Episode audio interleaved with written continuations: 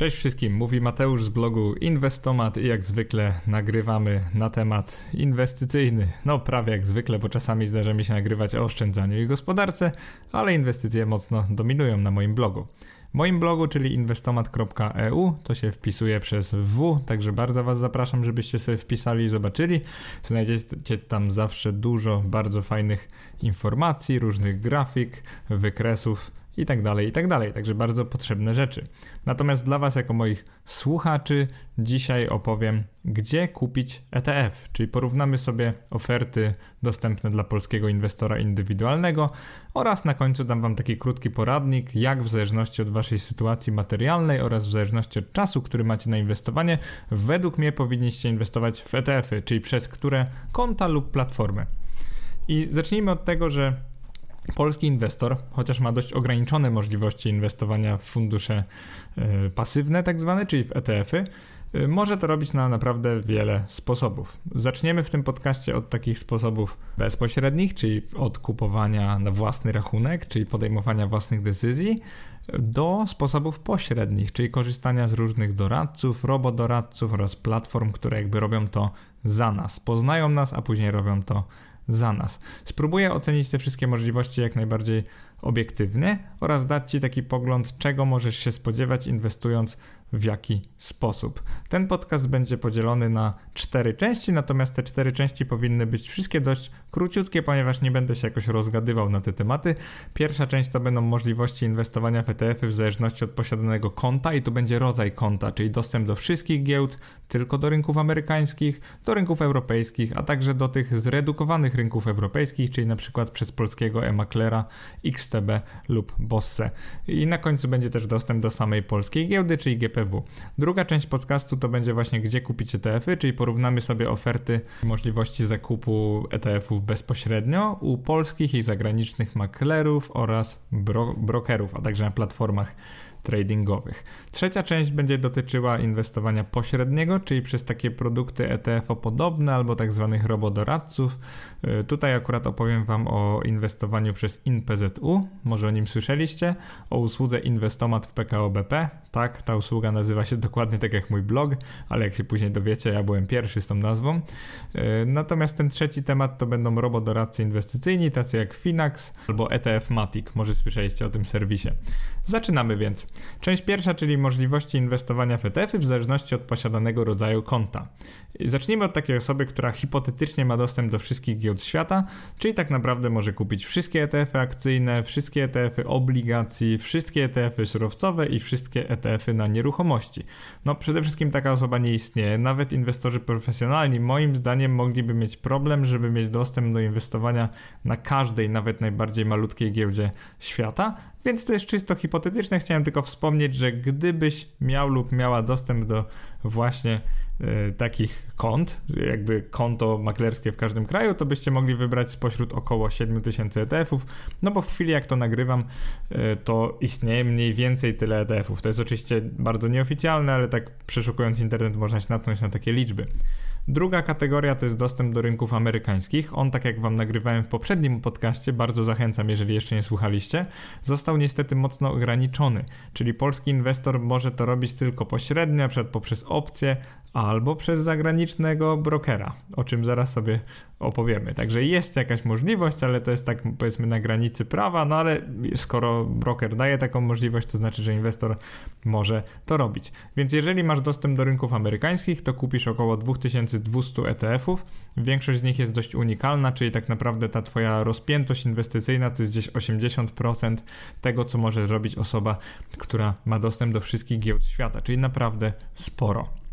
Jeżeli chodzi o inwestora z dostępem do tylko giełd europejskich, czyli tutaj już mamy case taki bardziej polski, albo kogoś mieszkającego na przykład w Niemczech lub Wielkiej Brytanii, y, ten inwestor ma dalej bardzo szerokie możliwości inwestycyjne, ponieważ mo może inwestować w około 2500 ETF-ów, tylko tutaj jest sporo duplikatów, więc nie daj się zwieść pozorom, że to jest więcej niż w Stanach Zjednoczonych, bo może i liczbowo jest więcej, ale takich naprawdę unikalnych jest bliżej 500.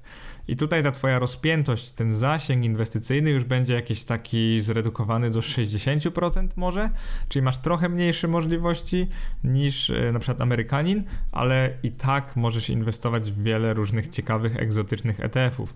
Dla przykładu, tutaj nie będziesz mógł może zawsze kupić ETF-u na jakieś akcje, powiedzmy z Bangladeszu albo z Cypru, powiedzmy, ale bez problemu będziesz mógł zainwestować w takie agregaty, czyli ETF-y, które inwestują na wszystkich rynkach wschodzących albo nawet konkretniej e, tylko azjatyckich rynkach wschodzących, więc to będzie dla Ciebie dostępne i z tego również powodu to takie inwestowanie w europejskie ETF-y to jest na przykład to, co mi w zupełności starcza. Więc jeżeli jesteś moim słuchaczem, moją słuchaczką, to wiedzcie, że dla mnie to jest zupełnie wystarczająco.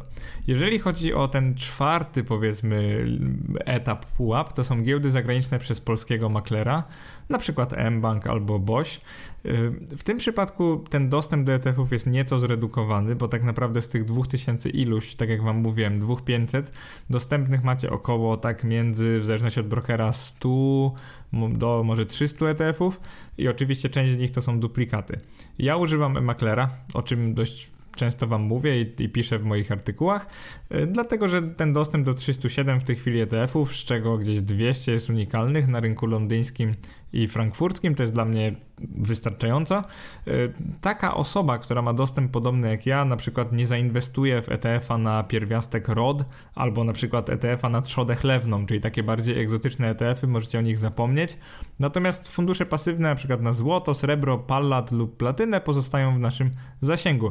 Czyli uważam, że i tak możemy inwestować w całkiem sporo rzeczy. Oczywiście, jeżeli chodzi o akcje, możecie się domyślić, że wszystkie ważne indeksy, agregaty światowe są tutaj dostępne, więc jeżeli Wam się podoba w tej chwili Ameryka Łacińska, to nie będzie żadnego problemu, żeby robić to przez takie polskie konto z dostępem do giełd zagranicznych. No i na samym końcu jest taka najbardziej zredukowana opcja, gdzie masz tylko 7 ETF-ów do wyboru.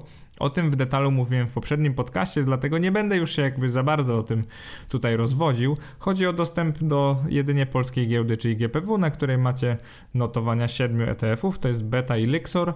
Y, wszystkie detale macie we wpisie, także w sumie nie ma co o tym opowiadać, ale wasz, wasz zakres dalej jest całkiem spory, bo w akcjach możecie mm, wziąć udział gdzieś tak w 20% y, najważniejszych akcji światowych, bo tam jest S&P 500, Lixor ma taki fundusz, więc samo to już nie jest złe. Zaletą tego inwestowania będzie też to, że y, prowizje są ok od dość niskich kwot, typu 800 zł jednej inwestycji, więc to jest naprawdę niezłe, jeżeli chcecie zacząć, ale o tym będzie już później.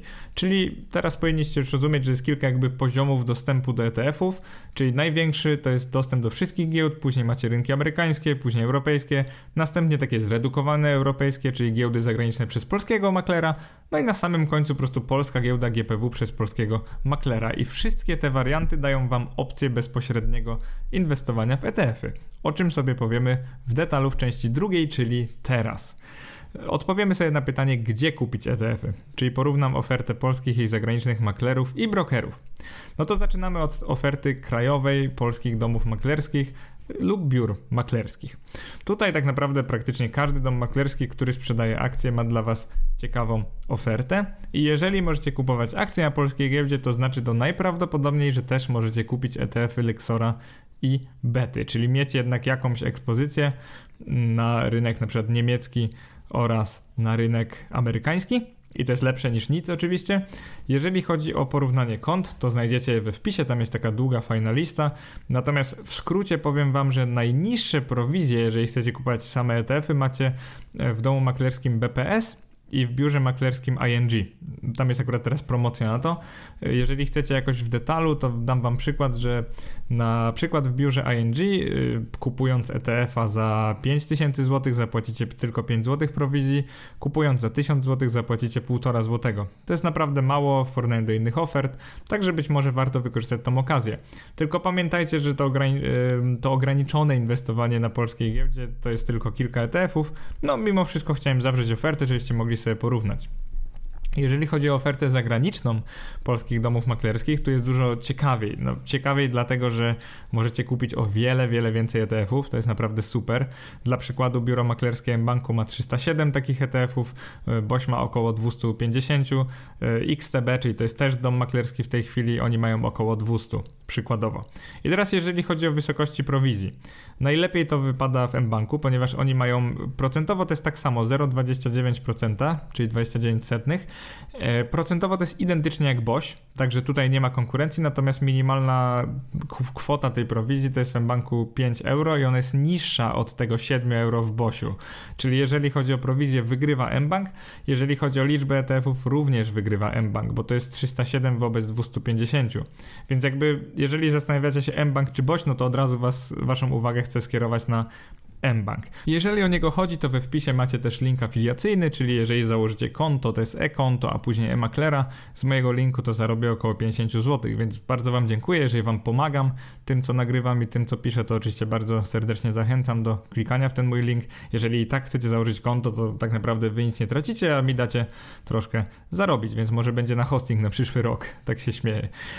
Natomiast jest jedna ważna rzecz. Jeżeli chodzi o mBank, on ma dobre prowizje przy tych niskich kwotach, natomiast przy wysokich, czyli na przykład zakupie za więcej niż kilka tysięcy euro, bardziej zaczyna opłacać się XTB. To jest też dom maklerski. Z XTB ostatnio również zacząłem współpracę, także mam swój link afiliacyjny do nich. Jeżeli założycie konto i kupicie ETF-y właśnie z mojego linku, to też zarobię tam, jeżeli dobrze pamiętam, około 100 zł. Także bardzo Wam dziękuję, jeżeli Wam pomagam. I teraz ważna rzecz dla moich słuchaczy. mBank to jest około poniżej jeżeli dobrze pamiętam, 13 tysięcy złotych na transakcji, natomiast y, XTB to jest powyżej tej kwoty, czyli jeżeli robicie tylko wysokie tran transakcje, to XTB z tym swoim 0,12%, ale minimum 10 euro, to jest naprawdę dobra opcja. I jeżeli chodzi o dostępność ETF-ów w XTB, macie też w ulepszonej wersji mojego arkusza Google, akurat tą wysyłałem dla moich subskrybentów newslettera tylko, natomiast w podstawowej też macie taką listę, gdzie możecie kupić które ETF-y, więc powinno Wam to wystarczająco.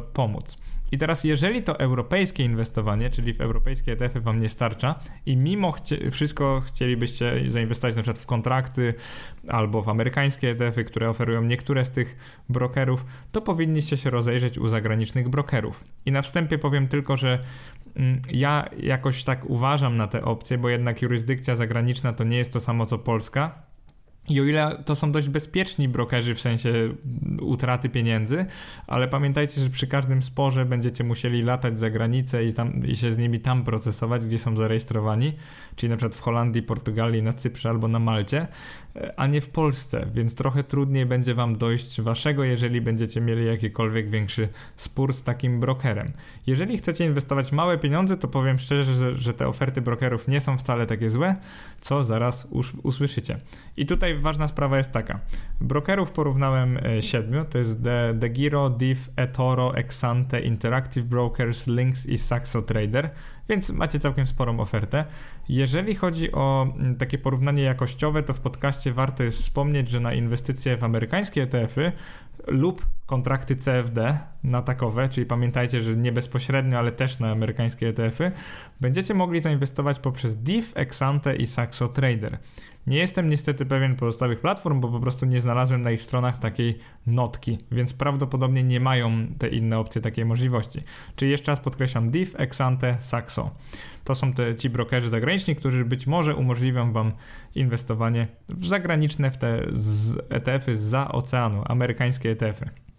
Jeżeli chodzi o prowizję tutaj, no to porównanie zdecydowanie wygrywa broker Exante, ponieważ y, ta ich prowizja od transakcji jest bardzo niska i to jest zawsze 0,05%. E, Oni są zarejestrowani akurat na Malcie i Cyprze, więc jeżeli to Wam przeszkadza, to warto, żebym o tym wspomniał, bo to są jednak raje podatkowe. Natomiast mają oni kilka ograniczeń. Po pierwsze, minimalna wpłata to równowartość 10 tysięcy euro i to już eliminuje naprawdę wielu inwestorów, zwłaszcza tych drobnych. Na rachunku trzeba mieć też aktywne 5000 euro zawsze oraz każda wypłata z tego rachunku to będzie 30 euro. Czyli dla kogo Exante jest dobre? Dla ludzi, którzy mają do zainwestowania raczej wysokie kwoty, zdecydowanie powyżej 10 tysięcy euro i którzy nie zamierzają tego przez lata wypłacać. To myślę, że dla nich ta platforma będzie ok. Jeżeli chodzi też o wysokość prowizji, to byłbym hipokrytą, gdybym nie wspomniał o holenderskim De Giro, które też ma całkiem fajną tą wysokość, bo powiem wam szczerze, to jest dość nisko. Oni mają 2 euro plus 300% i wypadają naprawdę dobrze, zwłaszcza przy dużych transakcjach. Oni też mają tak zwane ETF-y bezprowizyjne, tam jest kilkaset, więc u nich kupicie ETF-y bez żadnej prowizji, ale musicie kupować te wybrane przez nich. Więc to jest pewne ograniczenie. Jeżeli chodzi o tych brokerów, tak jak mówię, oferta jest dość szeroka. Ona kusi tym, że jeżeli jakiegoś ETF-a nie ma w ich ofercie, to możecie im zgłosić, a oni go chętnie dodadzą. To jest taka ciekawostka, więc większość brokerów mówi, jeżeli czegoś nie ma, nie ma problemu, powiedzcie czego, a my dodamy to do oferty. Więc to jest bardzo fajne. Tutaj tylko ostrzegam przed takim inwestowaniem u brokerów, bo oni nie zawsze sprzedają wam ETF-y, a czasami sprzedają wam te kontrakty futures, CFD tak zwane, na ETF-y, czyli tak na przykład przy wypłacie dywidendy jej nie dostaniecie, bo tak naprawdę macie coś przypiętego do ceny aktywa bazowego, ale nie posiadacie tego aktywa fizycznie. Więc tutaj takie ostrzeżenie, że jeżeli chcecie fizycznie inwestować w ETF-y, to nie zawsze to spełni wasze oczekiwania. Natomiast oferta jest bardzo konkurencyjna, jeżeli chodzi o y, właśnie tą kosztowość. Te prowizje są dość niskie, więc wielu z Was się może tym zainteresować, ale mi akurat w zupełności wystarcza e-makler i XTB. E, teraz zaczynamy część trzecią, czyli inwestowanie pośrednie w ETF-y i produkty ETF-o podobne, tak żartobliwie to trochę nazywam. E, tutaj mamy na przykład robodoradztwo, o czym zaraz sobie powiemy. I to, to, to, może bardzo zainteresować e, mojego słuchacza, moją słuchaczkę, ponieważ często dostaję od Was pytania właśnie o InPZU oraz Finax a także o inwestomat ze stajni PKO BP, więc teraz sobie troszkę ocenimy ich oferty. Więc teraz przede wszystkim inwestowanie pośrednie w ETF-y. Kto najczęściej się na to decyduje? Myślę, że to są takie osoby, które po prostu uważają, że takie bezpośrednie inwestowanie, czyli selekcja własna ETF-ów je przerasta, być może jest zbyt skomplikowana, być może zupełnie na to nie mają czasu, więc chcieliby, żeby ktoś im doradzał, jakby ktoś się opiekował ich pieniędzmi. I na wstępie przyznam, że uważam, że ktoś, kto się w ogóle nie zna na inwestowaniu i na przykład nie wie w tej chwili, słuchając tego podcastu, co to są obligacje i akcje, to według mnie to jest szaleństwo, żeby dawać pieniądze takiemu robodoradcy, bo nie będziecie rozumieć, co on robi z tymi pieniędzmi. Więc zachęcam do zainwestowania na przykład w obligacje skarbowe i przeczytania kilku książek, macie na przykład w polecanych na moim blogu, o inwestowaniu, zanim dacie pieniądze takiemu robo-advisorowi. Zaraz się przekonacie dlaczego. Zacznijmy od funduszy indeksowych, a przynajmniej tych, które nazywają się tak, aktywnych INPZU. I od razu podkreślam, to nie są ETF-y. INPZU zrobił tanie fundusze indeksowe, Zaraz sobie powiemy o tym, jak tanie i co mają w ofercie. Natomiast nie są to ETF-y, czyli nie mylcie ich z ETF-ami. Nie są one notowane na żadnej giełdzie i kupując je, to jest proces identyczny jak z kupowaniem tych funduszy aktywnych, czyli po prostu trwa to kilka dni najczęściej i PZU robi wam taki rejestr i tyle. Nie możecie ich sprzedać na giełdach. Oferta PZU jest o tyle atrakcyjna, że uczciwie mówią, że biorą za zarządzanie środkami 0,5% rocznie, czyli przypominam, że to jest dużo mniej niż średni fundusz aktywny, akcyjny, który bierze tam 3%, a nawet powyżej, więc tu akurat na duży plus. I też jest fajne to, że InPZU podaje transparentnie w co pieniądze będą inwestowane i na przykład mają taki InPZU na akcje polskie i mówią wprost, że to będzie 70% WIG20, 20% MWIG40 i 10% po prostu WIBIT, czyli tam pieniądze leżą sobie na rachunku, można powiedzieć. Za to procentowo wezmą 0,5% rocznie, oczywiście ponad co, to, co biorą te ETF-y, które sami kupują. To jest trochę skomplikowane. No i dla Was mam tylko taką wiadomość. InPZU jest naprawdę fajny, jeżeli chcecie inwestować małymi kwotami, ponieważ już od 100 zł macie, jakby nie macie prowizji za zakup żadnej, natomiast macie rocznie 0,5%. Czyli jeżeli macie bardzo małe środki, to jest świetna oferta dla Was. Oni w tej chwili funduszy mają 9, y, również mają ekspozycję na akcje rynków rozwiniętych i na akcje emerging market, czyli tych rynków wschodzących, y, również na obligacje z różnych krajów, y, również Polski. Więc jeżeli chcecie zainwestować tak bardzo początkowo lub bardzo małą kwotą, to jest dobra oferta dla Was. Natomiast powiem Wam, dlaczego uważam, że to nie jest idealna oferta, bo problemem jest to, że PZU pobiera takie same prowizje od każdej z tych inwestycji. I na przykład, jeżeli ktoś potrafi mi wytłumaczyć, dlaczego fundusz inwestycji ostrożnych, czyli właściwie taki, który trzyma to w gotówkowych wekslach oraz bonach skarbowych, czyli taki, który zarabia tyle co lokata, bierze za to zarządzanie środkami 0,5% rocznie, no to jestem jak jakby otwarty na takie odpowiedzi. Moim słuchaczom natomiast chciałbym powiedzieć, że nie ma żadnego sensu, żeby płacić za takie obligacyjne, aktywne fundusze albo ten, jeszcze bardziej tych inwestycji ostrożnych 0,5% rocznie, bo jest to zwyczajne zdzierstwo. Po prostu samemu o wiele lepiej, łatwiej można to robić, nie mówiąc już o ETF-ach, bo zauważcie, że ETF-y obligacyjne średnio, te europejskie, pobierają gdzieś tak 0,1, 0,2% opłaty, a nie 0,5, także są o wiele tańsze. Więc pytanie, po co dawać tutaj PZU swoje środki w zarządzanie, jeżeli zwyczajnie możecie kupić ETF zagraniczny. E, mimo wszystko InPZU jest dość uczciwe, bo przynajmniej mówią, że to nie są ETF-y otwarcie. Później mamy usługę Inwestomat w PKO BP. No i tutaj chciałbym pochwalić ich za nazwę. E, jest taka ironia, że ja swojego bloga założyłem 16 października 2019, a Inwestomat jako usługa PKO opublikowany został 15 listopada. Oczywiście żart na bok, to nie jest takie istotne i nie mam nic przeciwko tej nazwie, niech będzie, zwłaszcza, że chodziło im o automat inwestycyjny. I teraz wam wyjaśnię, dlaczego według mnie ta usługa no, jest po prostu kiepska i to nie jest tak, że mam taki bias, bo się nazywa tak jak ja i mam dla nich za złe, tylko po prostu próbowałem z niej skorzystać i wam powiem zaraz na co się natknąłem. Czyli przede wszystkim czym jest inwestomat? No, jest ankietą z dziesięcioma pytaniami, takimi trochę trudnymi i topornymi, czyli milenialsom może się to nie spodobać, bo będziecie odpowiadać na takie ankiety jak trochę na klasówce jakiejś, a nie w takie luźne ankiety, które możecie przy kawie wypełnić. Jest to doradca, który tak naprawdę informuje cię po tych 10, po odpowiedzi na tych 10 pytań, informuje was o suger sugerowanym rozdziale mm, swojego portfela, czyli na przykład 50% akcje, 30% ETF, coś tam w obligacjach też. I teraz to, jest, to nie jest nic, czego średnio świadomy inwestor nie zbuduje samemu. I teraz czym nie jest inwestomat? No nie jest on ETF-em, nie jest on przede wszystkim niskokosztowym ETF-em.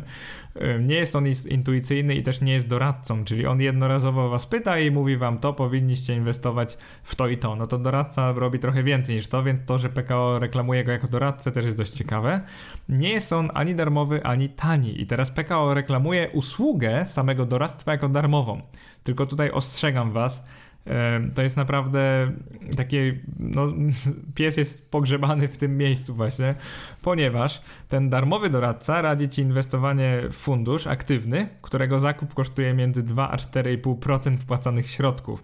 Więc co z tego, że od tak zwanej stówki możesz zainwestować, jak na samym wstępie stracisz kilka złotych. Sama opłata za zarządzanie funduszem, czyli ta roczna też jest całkiem spora, bo w moim przypadku wynosiła 2,1% w skali roku plus premia za sukces, czyli jeżeli ten fundusz pobije benchmark o na przykład 10 punktów procentowych, to płacimy im kolejny procent. Czyli możemy im zapłacić nawet 3% w skali roku. Czyli pozbywasz się od razu 3-4% swojej gotówki, a później co roku za, jeżeli są sukcesy oczywiście, to płacisz kolejne 2-3%. I co mi się w tej usłudze bardzo nie podoba, to to, że jest promowana jako darmowa, a tak naprawdę tak, sama ankieta jest darmowa, a później fundusz jest bardzo drogi, to to jest ogromny minus i tak naprawdę to sprawia, że z czystym sumieniem polecam InPZU, a jakby PKO BP Inwestomat nie mogę polecić w ogóle, wręcz was chciałem odstraszyć od tej konstrukcji, bo no bądź co bądź, ani to nie jest ETF, ani to nie jest tanie, więc tak naprawdę po co macie się tym przejmować. Na koniec chciałem zostawić robot doradców. Y, tutaj jest Finax słowacki oraz ETF Matic. Oni mają siedzibę akurat, jeżeli dobrze pamiętam, na zachodzie. I teraz jeżeli chodzi o te dwie usługi, to no, co jest fajne w nich? Fajne jest to, że inwestują faktycznie w ETF-y Czyli pod tym, co robisz, pod tym robodoradcą są faktyczne ETF-y, a nie jakieś fundusze aktywne. Fajne jest to rozeznanie, czyli ta ankieta tu jest dużo bardziej lekkostrawna niż w inwestomacie, czyli jeżeli się w ogóle nie znacie, to możecie nawet użyć tych usług nie tyle do inwestowania środków, jak do sprawdzenia jakby co jest dla was, to jest całkiem fajne. No i to bezpieczeństwo jest ok, bo na przykład Finax jest domem maklerskim na Słowacji, więc to słowackie prawo zapewnia bezpieczeństwo depozytu do wysokości 50 tysięcy euro. Mimo wszystko ja jako Polak mam takie ograniczone zaufanie, wolałbym inwestować przez polską instytucję, zwłaszcza jak mówimy już o dziesiątkach lub setkach e, tysięcy złotych, to zdecydowanie Better Safe Than Sorry jest lepszą domeną niż e, jakiś tam, wiecie, risk too much, nie? I teraz tutaj moim zdaniem te plusy serwisów się kończą, bo przede wszystkim ich funkcjonalność pozostawia wiele do życzenia, bo bardzo ładnie wyglądają, robociki, bardzo inteligentne, ale tak naprawdę po tej ankiecie miałem wrażenie, że one robią po prostu taki shuffle, ile procent powinniście mieć obligacji w portfelu, ile obligacji w zależności od wieku i preferencji. I ja we wpisie żartobliwie zamieściłem taką, e, taki wykresik, który pokazuje na przykład 90% akcji w wieku 20 lat, e, tylko 60% akcji w wieku 50 i już tylko 30 w wieku 80. I to jest taki trochę, to jest takie kliszej w branży inwestycyjnej, które po prostu zawsze doradza inwestorom trzymać jak najwięcej w akcjach jak są młodzi i jak najwięcej w obligacjach jak są starzy. I trochę mam wrażenie, że robodoradcy są właśnie tak skomplikowani, jeżeli chodzi o ich e, brain capacity, jeżeli chodzi o ich power. Jeżeli chodzi o opłaty, to ETF Matic pobiera między 0,55% a 0,83% rocznie i to nie jest wcale tak źle. To jest podobne do INPZ-u. To jest ta dodatkowa opłata i pamiętajcie, że jeszcze później płacicie tą opłatę samym ETF-om, ale to już nie bezpośrednio. Także to już będzie w wynikach tych funduszy. Finax ceni się trochę wyżej, bo on już kasuje 1,2% rocznie, to jest już z VAT-em. I, I, dodatkowo Finax pobiera 1-2% opłaty, jeżeli wpłacisz im mniej niż 1000 euro. I powiem Wam szczerze, że ta opłata 1-2%, jak za wybieranie spośród 10 różnych ETF-ów, to według mnie jest za dużo. I tak naprawdę dla większości moich słuchaczy e, taki Finax, no okej, okay, to wygląda wygodniej, bo jakby podejmują decyzje i robią alokacje za Was. No ale powiem Wam szczerze, że 1-2% rocznie Waszych środków wobec tego, że po prostu raz po raz wybieracie i sobie robicie sami taki rebalancing i kupujecie ETF obligacyjny, a nie akcyjny, to powiem Wam szczerze, jest według mnie trochę za dużo, więc ja jestem bardzo sceptyczny co do tej usługi e, i jeżeli ją kiedykolwiek Wam polecę, a może tak będzie, to dlatego, że albo zmienią te prowizje, albo rozszerzą swoją działalność, że będzie faktycznie ciekawa, że będzie więcej ETF-ów, albo będą robić coś, czego sami nie możecie łatwo zrobić. Więc jakby nie chcę tutaj zarzekiwać się, że nigdy ich nie polecę, ale jeżeli mnie do tego przekonają, to bardzo chętnie. Po prostu w tej chwili nie widzę niczego, co by sprawiało, że ja Wam będę chciał to polecić, tak zupełnie uczciwie. I jeżeli chodzi o skalę działalności, Finax jest dość usługą niewielką, mają około 4000 aktywnych klientów oraz w zarządzaniu 20 milionów euro i to oznacza, że średni klient ma około tak 20 kilku tysięcy złotych w tym Finaxie. No i jeżeli właśnie macie takie niższe środki, to oczywiście możecie tam trzymać, ale nie radziłbym za granicę przelewać jakichś większych kwot, bo nigdy nic nie wiadomo. Jeżeli chodzi o ten, y, powiedzmy, walkę ETF Matic a Finax, tutaj zdecydowanie wygrywa ETF Matic, y, bo jest trochę tańszy rocznie oraz ma więcej ETF-ów dostępnych, czyli akurat ETF Matic mi się bardziej podobał, więc jeżeli macie wybrać, to już wybrałbym ten. I teraz przechodzimy do meritum wpisu, czyli które konto jest dla Ciebie, gdzie kupić ETF-y w Twojej sytuacji. I tutaj akurat dzielę to na cztery części. Pierwsza część to jest mało czasu i niewielki kapitał, a ostatnia część to jest dużo czasu i duży kapitał. Zacznijmy od tego mało czasu i niewielki kapitał. Jeżeli dysponujesz kwotą niższą niż 10 tysięcy złotych, a miesięcznie chciałbyś lub chciałabyś inwestować powiedzmy 200, 300 lub nawet 500 złotych, a czasu na inwestowanie masz mało, typu godzinę w miesiącu albo nawet mniej, no to ranking rozwiązań dla Ciebie jest następujący. E, pierwsze miejsce to jest InPZU. 100 zł minimalnej wpłaty, to jest naprawdę fajne. E, prowizja nie jest wyższa przy takiej wpłacie, zarządzanie zawsze 0,5% w skali roku, więc polecam InPZU i raczej te ich akcyjne e, fundusze aktywne. Na drugim miejscu będzie polskie konto maklerskie i kupowanie tych funduszy ETF dostępnych na giełdzie papierów wartościowych polskiej. Pamiętajcie, że ten zakup opłaca się od tam bodajże 770 zł, więc kupujcie te ETF-y co kilka miesięcy. Ale to jest optymalna strategia, bo możecie na przykład kupować S&P co miesiąc. Na trzecim miejscu jest oferta ETF Matic. No i tutaj budowanie portfela jest o tyle fajne, że minimalna wpłata znowu 100 euro, dość niewielka, yy, szerokie możliwości, opłaty wcale nie takie ogromne, więc akurat na trzecim miejscu dla osoby, która ma mało czasu i niewielki kapitał, to ETF Matic nie jest taki zły. No ale tutaj się kończy to moje polecanie robodoradców, bo zobaczycie, że później już ich nie polecę w żadnym wariancie. No i teraz przechodzimy do osoby, która nie ma czasu, ale ma dużo pieniędzy. No, dużo pieniędzy, mam na myśli, chce zainwestować kwotą powyżej 10 tysięcy złotych, a jej miesięczne wpłaty na inwestycje będą wynosić już od 500 do 1000, nawet 1500 złotych. Jeżeli znajdujesz się ty w tej kategorii, ale nie bardzo potrafisz lub nie bardzo chcesz zagospodarować czas na inwestowanie, co zupełnie rozumiem, bo po prostu możecie się tym nie pasjonować tak jak ja, to ranking dla ciebie wygląda następująco. Y, numer jeden to jest konto maklerskie z możliwością inwestowania na rynkach zagranicznych, to jest przykład mBank, Bosch albo XTB. Y, pamiętajcie, że XTB głównie dla wysokich kwot jest opłacalne, tak jak wam mówiłem wcześniej. I teraz mimo braku czasu spokojnie myślę dasz radę dokupować na przykład globalne fundusze indeksowe, y, o których więcej powiem w szóstej części, czyli o strategiach budowania portfela z ETF-ów. Natomiast uważam, że jeżeli macie gotówkę, ale nie macie czasu, to naprawdę świetnym rozwiązaniem jest mimo wszystko własne konto maklerskie, y, tak jak wam mówiłem, z ekspozycją na rynki zagraniczne, ponieważ stać was na to, żeby nie przepłacać tutaj prowizji, to jest od kilku tysięcy złotych, już się jej nie przepłaca, więc wyjdzie wam to w miarę optymalnie. No i nie musicie mieć tak naprawdę dużo czasu, żeby kupować na przykład globalne fundusze, ale to już będzie w części szóstej, więc nie będę za bardzo spoilerował. Jeżeli chodzi o drugie miejsce, to jest to konto maklerskie z możliwością inwestowania na GPW, czyli takie zwykłe konto maklerskie, e, zwłaszcza jeżeli miesięcznie chcecie inwestować bliżej 1000 niż na przykład 5000 zł, no to te prowizje minimalne będą dla Was optymalne, na przykład jeżeli będziecie Lixor i BT kupować, czyli te fundusze faktyczne, prawdziwe ETF-y, ale te notowane na polskiej GPW. I teraz trzecie miejsce, w tym przypadku to też będzie InPZU. Nawet jeżeli macie większe kwoty, no to możecie inwestować w te fundusze ze stajni PZU. Pamiętajcie, to nie są ETF-y, więc to jest w ogóle bardzo ciekawe, że we wpisie, gdzie kupić ETF-y, polecam Wam produkty ETF-o podobne, ale chodzi o to, że one wychodzą dość optymalnie kosztowo, więc no muszę Wam je polecić, bo skoro już były w tym zestawieniu, no to trzecie miejsce InPZU. Ale przypominam, na pierwszym miejscu inwestowanie własnoręczne w ETF-y zagraniczne, te europejskie. Zdecydowanie.